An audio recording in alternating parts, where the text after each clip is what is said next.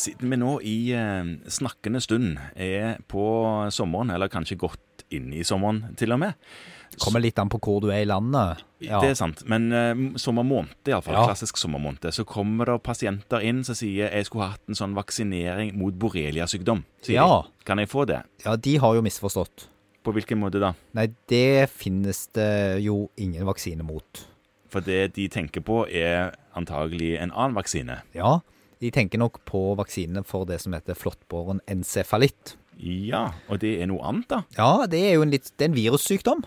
Ja. Og den er litt sånn kjelkete, for hvis du først får en flåttbåren encefalitt, som jo er en hjernehinnebetennelse, En viral hjernehinnebetennelse? ja, så er det ingen behandling for den.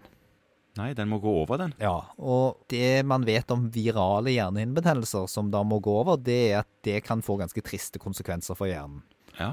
Derfor så er det grunn til å vaksinere seg mot flåttbåren encefalitt hvis man står i fare for å bli smitta av det. ja, og det står man i fare for å bli smitta med dersom man oppholder seg et sted hvor det er veldig mye flått. Ja, og denne flåtten er kjent bærer av denne encefalitten. Ja.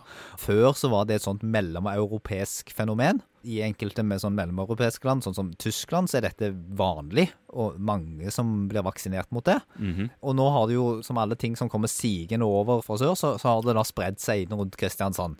Ja. Og derfra og utover.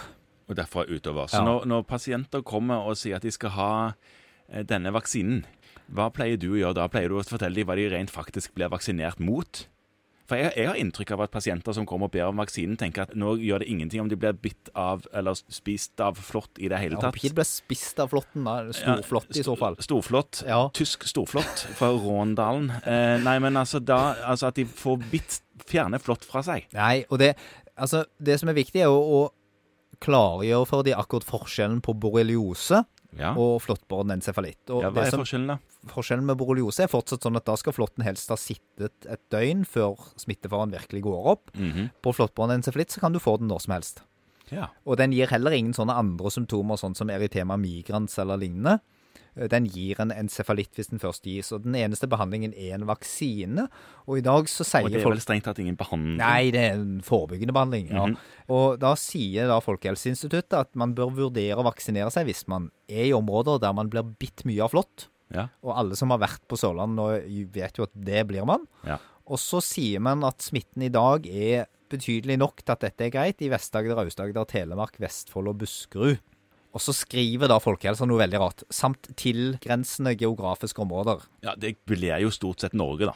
Ja, altså så lenge du er sør for Trondheim, Ja. så, så tenker vi jo at det er ikke sikkert det er så dumt. Nei, og det iallfall skal ha veldig god grunn for å nekte noen den vaksinen. Det øh, syns jeg man skal ha veldig god grunn for. Den består av tre vaksiner. Mm. To som tas som en sånn grunnvaksinering med én til tre måneders mellomrom. Og så en booster etter, etter fem til tolv måneder.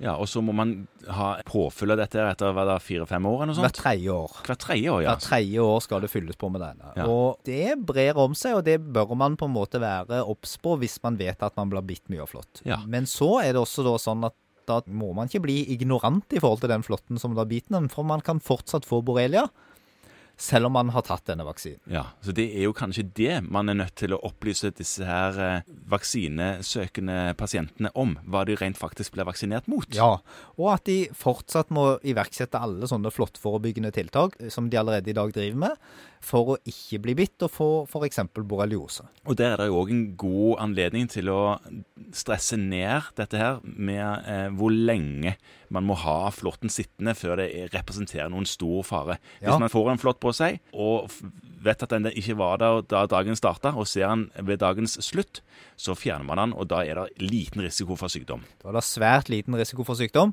særlig hvis du har vaksinert deg mot flåttbåren Ja, selvfølgelig. selvfølgelig.